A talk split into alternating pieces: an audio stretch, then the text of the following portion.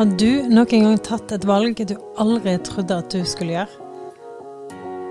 Jeg heter Marianne, og jeg intervjuer flere personer som tok et valg som gjorde at livet fikk en helt ny retning.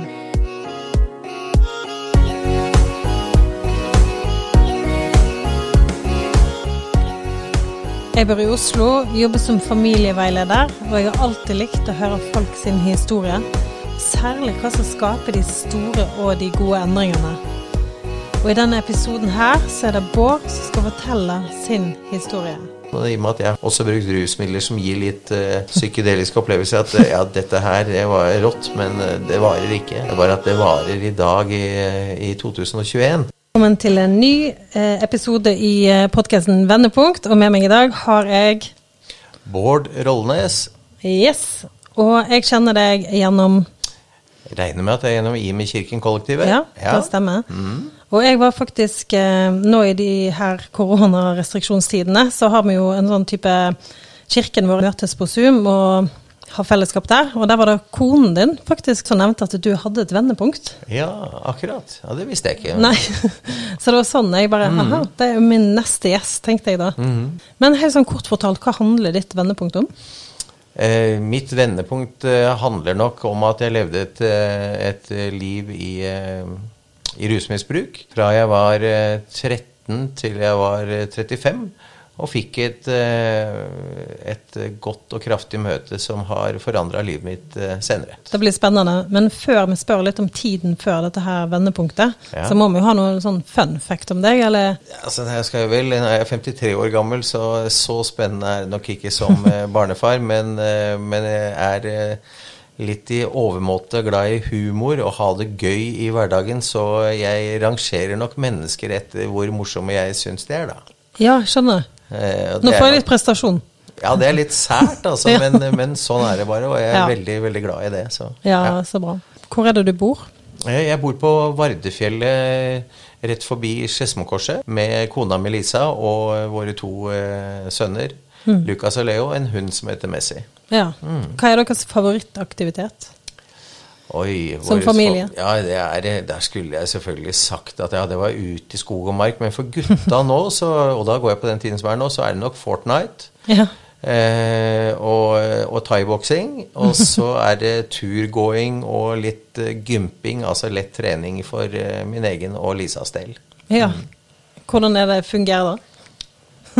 Eh, det med hunden er veldig fint, fordi han må ut. Så ja. Eh, våre barn har det som plikt å gå alle turene, men de er på en måte ikke nok. Så jeg har lagt meg i selen for å gi henne en ekstra timetur hver dag. Å, men det er også bra for eh, meg, har jeg hørt, da. Så, har du hørt? Ja, ja. ikke verst. Neida. Men det er jo eh, veldig sterkt å høre at du faktisk, altså fra du var 13 år og til 35 mm. år, så hadde du et liv med rus, ja. og så får du et møte som forandrer alt. Yes. Det er utrolig sterkt. Men kan du si litt om den tiden? Altså det er jo mange, mange år, ikke, men hva kjennetegner deg og det livet du levde i de årene opp til du var 35 år? Ja, jeg skal gi en, eh, et eh, slags et, et resymé av det. Altså, jeg, eh, jeg er født uh, i Tromsø, bodde der til jeg var seks år. Moren min hun uh, skilte seg fra min far og flytta til uh, Vikersund først med en stefar. da var jeg seks år gammel.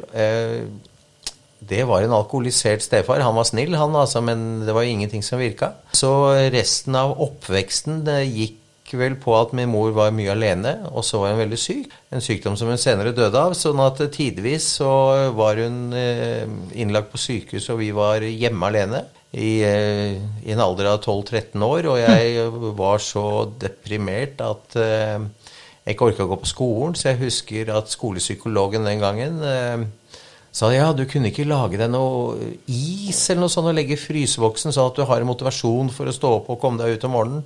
Okay. Eh, alt dette her virka jo ikke noe bra, så eh, med da en svak oppfølging eh, og, eh, og, dårlig tilhørighet, så var det lett å søke seg til det eh, store rusmiljøet som var ja. i eh, Majorstutraktene på den tiden. Ja, og søkte, brukte det som familie, på en måte. Videre derfra så, så var jeg, jeg var heldig at jeg var ikke noe særlig god eh, kriminell. Sånn at jeg jobba ved siden av hele tida, og da som eh, blikkenslager. Fikk godt i læra, men jeg klarte å hoppe, eller miste lærlingeplassen min ved en eh, etter en Pink Floyd-konsert i 1988, for da kom jeg aldri Det blei litt langt, det nachspielet, kan du si. Så da sklei det. Det var den tiden, dette var i 88, da begynte det virkelig å skli kraftig ut eh, på tyngre stoffer. Og det vedvarte i mange, mange år.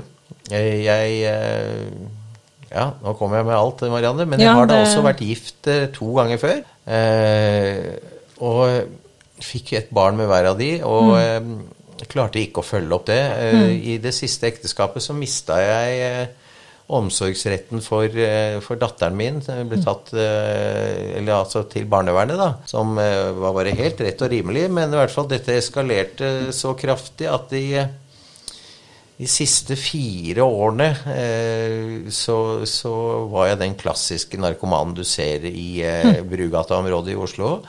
Som, eh, som gikk rundt på rulleskøyter og, og solgte ja, heroin, rett og slett. da.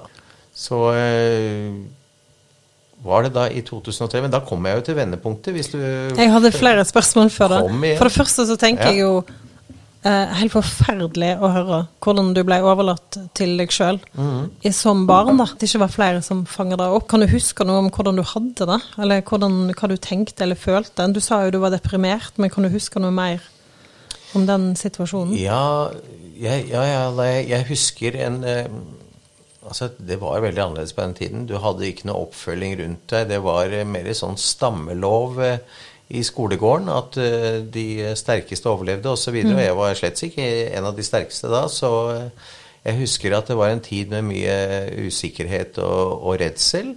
Men som barn er, og jeg ser også at det er sånn som mine egne barn er i dag, at de vil ikke si noe om det har skjedd noe negativt på skolen. Eh, Det ville ikke jeg heller da gjøre hjemme. Og så følte jeg da et helt eh, Altså man følte ansvar for eh, min mors eh, helse.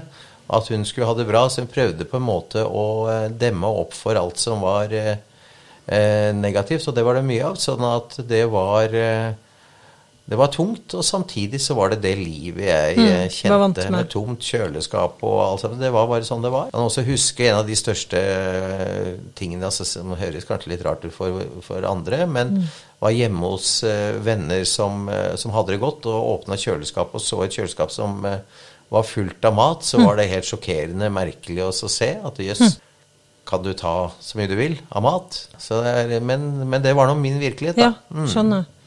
Og så ser jeg jo veldig for meg eh, Du sier at du Og så var du en av de som man ser på gaten nå. Ja. Heroinmisbruker. Som Altså, du tok det jo helt ut, sant, i den andre enden. Ja. Der du går rundt på rulleskøyter og selger. Husker du noe? Var det noen som prøvde å stoppe deg, snakke med deg i den tiden der? Ja, altså de eh, I, i 1995 så eh, så eh, begynte jeg å bli ordentlig sliten og lei. Eh, Da var livet trist og tungt og alt sammen. Så Ja, for da, vendepunktet var i 2003. det er Ja. riktig, men det var da åtte år med inn og ut av institusjoner Ja. fra 1995 til 2003. Og jeg gikk også da et eh, program som heter eh, Veksthuset, som var i gamle dager som var uh, veldig tøft, men også veldig bra. Og det fullførte jeg og bodde på, i ettervernsboliger og, og ja.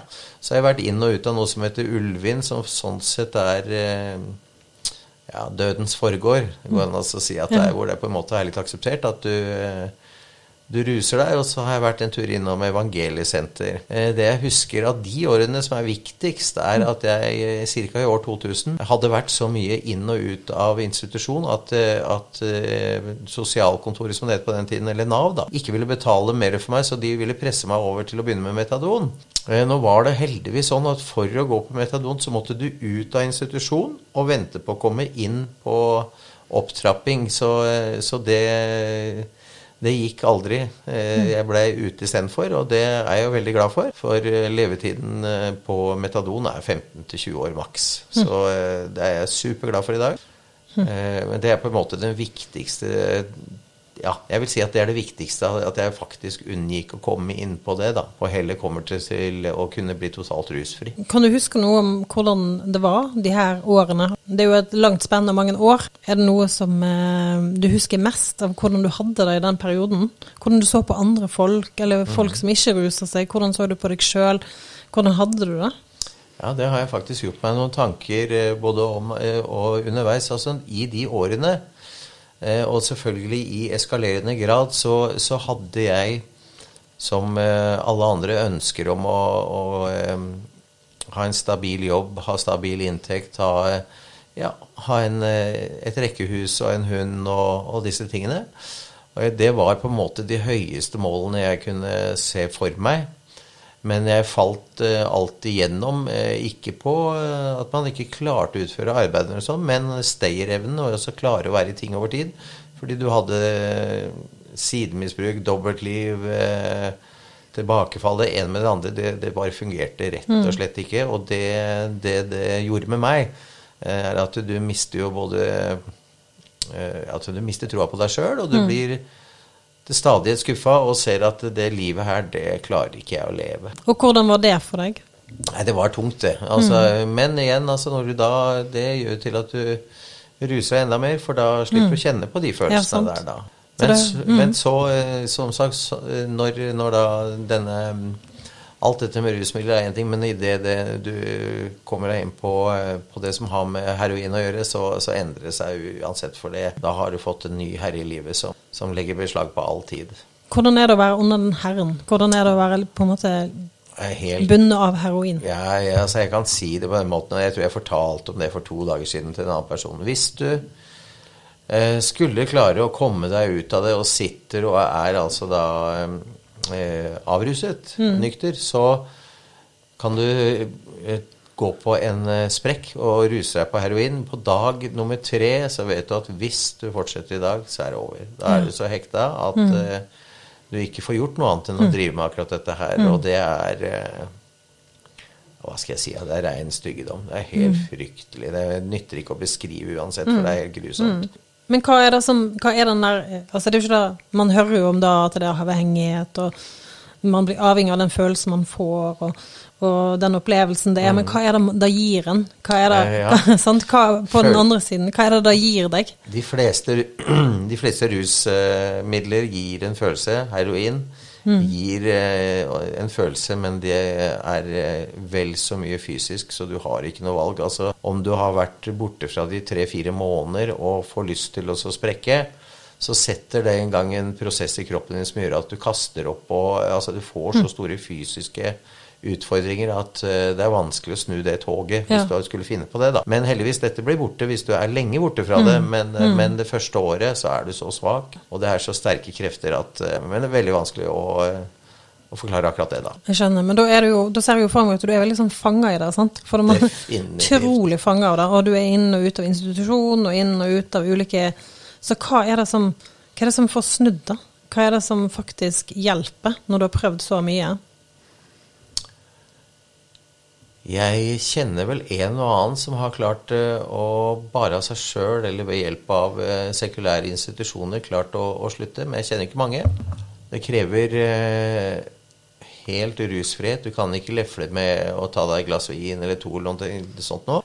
For min del så, så vil jo dette komme fram til det vendepunktet som mm. handler om Gud. Eh, mm. Og selv ikke med Gud så går ikke dette nødvendigvis bare på skinner. Men, eh, men, det har jo i hvert fall vært en eh, store forandringer for min del. Og hva var det som skjedde? Eller? Jo, nei, den, eh, den, husker jeg godt. Jeg, jeg var jo såpass godt bevandret i ja, inn i rus og institusjon og alt sammen, så jeg hadde på det tidspunktet det var sånn at P22, som er en, en avrustningsstasjon i Oslo, på den tiden holdt til i Osterhausgata, og de hadde mye kjærlighet der, men de hadde gamle senger, var drevet på gaver og veldedighet, mm. så de hadde vonde puter. Alt var veldig kummerlig og, slitsomt, mm. Eh, og særlig når du kommer inn uten, uten forsvarssystem i kroppen, som du får mm. ved avrustning av, mm. av heroin Så jeg ville ikke inn der. Men så M3, som da er sekulært, med veldig gode senger, med null kjærlighet, det var eh,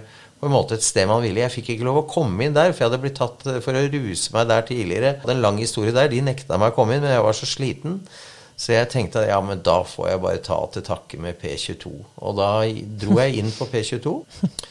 Og så tenkte jeg ja, da skal jeg være her, men jeg skal ikke på noe kristenrehabilitering. rehabilitering. For hadde jeg vært på Evangeliesenteret, det var bra for de det virka for, men det var ikke noe for meg. Så, eh, så er jeg der en, eh, en uke eller to først, så, så ble jeg eh, kalt inn til en Jeg vet ikke om det er en saksbehandler, sosionom, et eller annet, som sier ja, Bård, hva ønsker du? Og Nei, jeg vet ikke, sa jeg, men jeg skal ikke på noe Hadde ikke tenkt meg på noen kristen rehabilitering. Ja, men du skal ikke dra på Kampen gård, da, sier eh, sier saksbehandleren, da. Å, jeg hadde ikke hørt om det. Så dette her er en dame som heter Sissel Skogheim, eh, som sier, og det har jeg lyst til å si, fordi hun mm. betydde veldig mye for meg, hva hun gjorde. Mannen hennes, eh, Odd Gunnar Skogheim, var da bestyrer på Kampen eh, gård, som er en del av Kimerud stiftelse. Ikke det som er i dag, men det som var den gang da, med Tove Skarpsno i, eh, i ledelse. Det ble nå i hvert fall til at eh, ja, nei, men jeg skulle på, på Kampen og Kimerud gård. Men så kommer da vendepunktet, og det, det skjedde da. Det var altså sånn at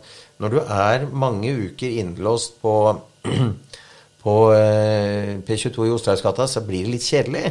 Da hadde vi muligheten til å reise opp på OKS, OK, altså Oslo Kristne Senter, mm. for å delta på noe som het Barmhjertighetens kveld, som var et lavterskeltilbud på en onsdag kveld. Og jeg blei mer med for, eh, for, å få litt uh, miljøforandring.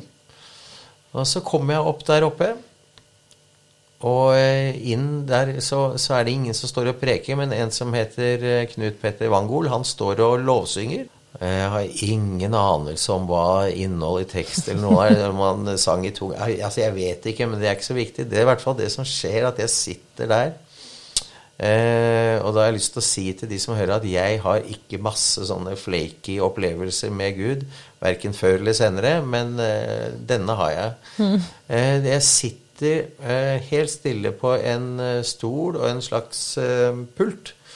Og så kjenner jeg at jeg får bare et sånt kjapt bilde inni meg at der hvor hjertet omtrent sitter, så er det en isbit, og den er ganske stor, som er helt nesten eh, smeltet. Sånn at hvis du ser for deg at alle veggene bare er tynne tråder av is Det er det bildet. Og idet jeg får det bildet, så knuser denne isbiten. Eh, og det den skulle ikke lage veldig mye lyd, men den ringler og lager altså så mye lyd inni meg og så kjenner jeg bare at etter at den bryter sammen, så bare brer det seg ut i en varme i kroppen. Jeg sier ikke dette til noen. Jeg sitter helt musestille, for jeg har ikke noen sånne opplevelser og kan ikke si at dette er Gud eh, mm. eller noen ting. Men, eh, men, på vei da ned i bil fra, P22, nei, fra OKS til P22, så har også da alle lysene ute fått en sånn slags halo. altså at det, det som er gult, blir veldig mye gulere. Eh, så det ser veldig vakkert ut og sånn. Og så tenker jeg da, uten å si noe til noen, i og med at jeg har brukt litt eh, Også brukt rusmidler som gir litt psykedelisk psykedeliske opplevelser, at ja, dette her det var rått, men det varer ikke. Det er bare at det varer i dag i, i 2021. Så det var vendepunktet, og dette var da før jeg reiste på, på kampen. Etter det så Nå nevnte jeg i stad at jeg hadde noen få ønsker og mål i livet mitt. Om å få eh, en, eh, kanskje en kone og et rekkehus og ordna økonomi og alle de mm. Det jeg gjerne vil si, er at eh, alt, eller det jeg hadde en drøm om, det har jeg så, så med Guds hjelp forbigått så kraftig i ettertid. Altså mm. gått langt, langt forbi. Fantastisk. Mm. Så når du sitter der eh, i eh, ja, under den lovsangen, da. Mm. Og får dette bildet, og merker den varmen som kommer inn. Mm. Eh, og går ut og ser altså alt er lysere. Mm. Så sa det noe om at dette har vart til og med helt til 2021. Ja. Du var redd for er dette her noe forbigående, dette pga. rusen. Ja. Så kan du si litt mer om det? Hva er det du kan merke nå fra det, det tidspunktet og hver dag som har kommet inn i livet ditt som noe nytt? Mm. Jeg eh, er eh, som sagt ikke så flaky, så de tingene jeg merker det på Nå vil jeg si at Det er jo ikke sånn at jeg går rundt og har det sterke lyset rundt lyset lenger. Nei. Så det er jo avsatt i så måte. Men det som forandrer seg der, var at fra å være Altså, jeg kom jo da inn i ekteskap med kona mi halvannet år etterpå med 300 000 i gjeld fra den tiden før der osv. Så, videre. så jeg var et økonomisk eh, takras. Jeg klarte ikke å følge opp avtaler. Altså alle disse klassiske tingene som har med rusavhengighet å gjøre. Men etter eh, etter den opplevelsen, de tingene Altså at Gud har velsignet mine hender i det jeg har foretatt meg, det er det ikke tvil om. Sånn at eh, jeg fikk en eh, jeg fikk mye bedre karakter. Jeg ble et menneske du kunne stole på. Eh, Jeg har eh, hatt eh, suksess i det jeg har foretatt meg økonomisk. Altså, livet har forandra seg eh, omtrent til det eh, jeg skulle ønske. Nå er det ikke sånn at jeg har blitt noen Supermann, for jeg er fortsatt veldig svak i meg sjøl, men, men, eh, men det er, eh, det er bra. Men hva, det, hva, vil du si at eh, Gud og Jesus har betydd for deg? Eller hvordan merker du at han har kommet inn i livet ditt? Hvordan merker jeg det? Det var kanskje litt vanskelig godt, spørsmål. Mm. nei, nei, men det er et veldig godt spørsmål. Men eh, det er også såpass full av respekt at jeg krever at jeg er nødt til å tenke meg om og ikke bare svare veldig fort. For Mm. eh, skal jeg svare på det, så må du være, i hvert fall være ærlig. Jeg tror nesten jeg må si Altså, jeg har i disse årene også etterpå prøvd å eh, etterfylle et tomrom eh, som jeg har med meg, eh, som nok kanskje også er pga. at jeg har ADHD, med alt mulig rart. Eh, og ikke rusmidler, men kanskje biler og sport, hva som helst. Så, så vil jeg stadig tilbakevende til at, eh, at Gud er den som for meg fyller alt i meg. Altså alt i alle, som vi, som vi sier og, og ber om. Eh, Det er ikke alltid jeg husker det, for jeg er ikke så flink til å, å, å alltid huske Gud i hverdagen. Men eh, når jeg gjør det, så, så kjenner jeg at det er det som bærer meg, da. I tillegg så er det jo også det at jeg er jo veldig takknemlig for at jeg da trådde inn i et eh, et levesett med en omgivelse. Jeg, altså, det, det, det hadde jeg et viktig poeng. At jeg hadde en eh, clean break med alt som var av det gamle livet. Jeg hadde ikke med meg en tre-fire kamerater derfra. Og, sånn altså, du er nødt til å sette en strek og gå en helt ny vei. Og det har da vært med, med kristne venner eh, og bygd opp et miljø derfra, da. Eh, hvis ikke så hadde det ikke gått. Sånn at jeg har gjort det fullt og helt, i den grad jeg har klart, da. Eh, så eh, det er bra. I hverdagen så, eh, så bruker jeg litt tid på eh, å høre kristne podkaster. Jeg er veldig lat til å sitte og lese i Bibelen. Jeg burde vært kjempeflink. Så når pastoren sier at eh, han blir happy med de som har med Bibel og, og sånn og blar opp, det kjenner jeg at jeg skammer meg litt, da. Men det, det går nå ganske bra. Fordi tidligere så er det jo sant Det må jo være et enormt tomrom etter rusen. Sant? Når du har hatt så mange år, år der rus var din næring, det var det som fylte deg, det var det som ga mening. sant? Og da bytter det ut, og kaster det ut. Og fyll, hva vil du si det, eh, det har fylt Hva har tatt plassen for, fra rusen, tror du?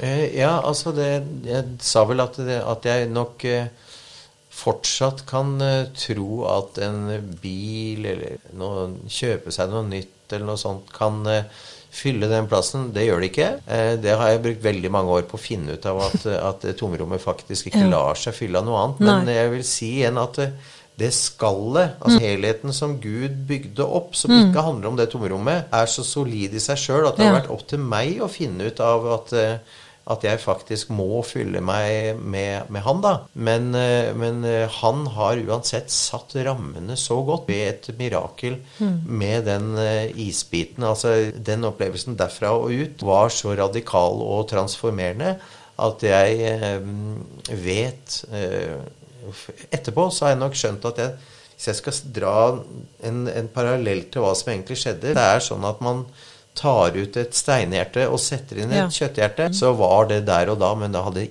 ingen som helst kunnskap Nei, om at det var det som foregikk. Men etterpå så ser jeg det. Men det er ikke noe jeg går rundt og snakker om allikevel. Men det tror Nei. jeg skjedde da. Men jeg er mest takknemlig for at han satte et rammeverk som gjør at jeg fortsatt kan surre inn i meg og, og være både opp og ned og alt sammen, og i 200 og til venstre og høyre. Men rammeverket han har satt, bærer fra dag til dag. Det er ikke fordi jeg er flink til noe som helst. Nei. Det er bare fordi at uh, han er stor, da. Og hva er da rammeverket? Det er, eh, det er det rammeverket som gjør at jeg kan eh, Jeg kan ikke si hva det er, men det jeg kan si, er at frukten av det er at jeg er en uh, forsørger for familien min, en familiefar. eh, Kan uh, Ja, altså, jeg er uh, Jeg har nådd opp sakte, men sikkert til manns modenhet og kan eh, være en bidragsyter i veldig mange situasjoner, framfor å, å være en som trenger noe. Jeg trenger han, men av mennesker så er jeg heller en som i hvert fall kan være på plussiden, da. Men det er jo fantastisk. Men hva, hva, hva, hva kan du si til de som enten kjenner på et voldsomt tomrom, eller, eller uh, som strever i rus med avhengighet eller ulike typer avhengighet? uh, har du noe å si til de? Ja, er øh, altså, Hvis du sliter med rus, så, så vil jeg bare si at da er jeg veldig konkretet, og det er å oppsøke Osterhausgata. Er det én eller tre Evangeliesenterets kontaktsenter med Stian mm. eh, Ludvigsen i spissen der sånn, der vil du få hjelp hvis du eh, skulle trenge å komme deg videre på en rehabilitering. Og så vil jeg si at hvis man er dypt i rus, så holder det ikke å ta et, eh, en avrusning på en, eh, en eh, avrusningsstasjon på én uke. Det hjelper veldig kort, men at man faktisk må gå inn og gjøre en større jobb, da. Det vil jeg gjerne si.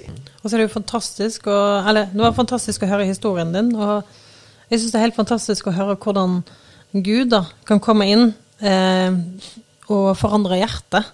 Eller da i oss, som ikke vi kan gjøre noe med, da. Men at han kan komme og gjøre det umulig umulig. Så det var fantastisk å Ja, høre. Jeg tenker at jeg skal komme med litt tilleggsinformasjon. Ja. her, fordi at det, eh, Disse årene da, fra 95 til 2003 så, så har jeg da vært mange år i, eh, i rehabilitering. Ett år på veksthuset regnes som syv år i terapi. Eh, all den terapien fungerte, gjorde bra ting med meg, men, men virka ikke bra nok. Det da jeg vil si, er at eh, Gud, han kom inn og tok den isbiten, altså bytta ut dette her, og satt meg i stand i løpet av et blunk, altså. Og det Det er jo et mirakel. Det er, ja da, det er et Og det er jo det mirakel, det Gud holder på er, med. eh, Det er eh, også en jeg sier med ærefrykt for, eh, for, eh, for en type vi har med å gjøre. Ja. ja, ja. Fytti grisen. ja. Men helt til slutt, sånn, har det vært vanskelig for deg etter det vendepunktet likevel? Ja, ja. Det har jeg. Hvordan har den reisen, eller Den har vært Den har vært? trøblete. Jeg har eh, tidvis eh, Ja, men jeg må jo kunne ta meg en øl sammen med de andre gutta og den typen. Sånn at det har vært noen runder. Jeg har hatt en sterk kone som har stått last og brast eh, ved meg. Men sånn at det har løst seg godt bra. Men nei da, det har slettes ikke vært superenkelt. Det kommer det aldri til å bli heller, fordi jeg er 53 år i dag, og jeg er akkurat like eh, rusavhengig som jeg var. Det er bare at nå ruser jeg meg ikke, så jeg har ikke noe problem med det, men jeg må passe meg hver dag. Eh, og det blir eh, Det bare blir ikke borte. Aldri til å bli, for jeg ser at det er ikke avtagende. Men det lever jeg med. Jeg skal bare sørge for at jeg gjør de tingene jeg må for å holde meg unna det. Hva tenker du samfunnet kunne gjort annerledes for å hjelpe til? For det er jo ganske mange som er i en situasjon der man har en avhengighet som man tar avstand fra, men som man lever med. Hva tenker du samfunnet kunne gjort for eh, alle de menneskene det gjelder? Det jeg syns eh, samfunnet ikke bør gjøre, i hvert fall, Ja. det er å ta vekk alle eh, institusjonsmuligheter hvor man faktisk blir rusfri. Eh, jeg forstår at det er eh, samfunnsøkonomisk eh, bra å få folk over på medisiner som, eh, som LAR gir, men, eh, men dessverre så er det ingen som blir rusfri av det. Så eh, jeg er så superglad for de kristne, eh, og hvis det fins en og annen sekulær, så tommel opp, med institusjonene som, som går for at folk skal bli helt frie. For jeg syns det er forferdelig trist at man skal måtte leve i, i kontrollert rus som stort sett aldri er så kontrollert uansett. Eh, så man eh, vil dø altfor tidlig av og ha et veldig dårlig livskvalitet i tillegg. Da. Og det blir vel i tillegg pålagt en del institusjoner. Helt riktig. Sant? Og det er jo, så det var jo veldig godt poeng og viktig poeng du hadde, at det var da du var glad for at ikke du gikk inn i. Helt riktig. Men eh, tusen takk for du ville dele din historie. Veldig hyggelig. Takk for at jeg fikk komme.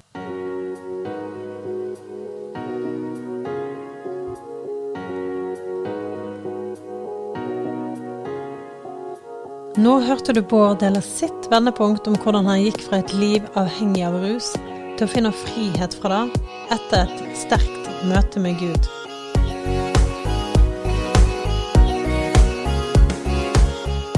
Likte du episoden? Del den gjerne på Facebook eller Instagram. Og hvis du har spørsmål til episoden, følg og send melding til meg på Instagram Mareide eller Vendepunktpodkast. Om du har flere spørsmål om Gud, vil du òg finne en link til gratis nettkurs om temaet.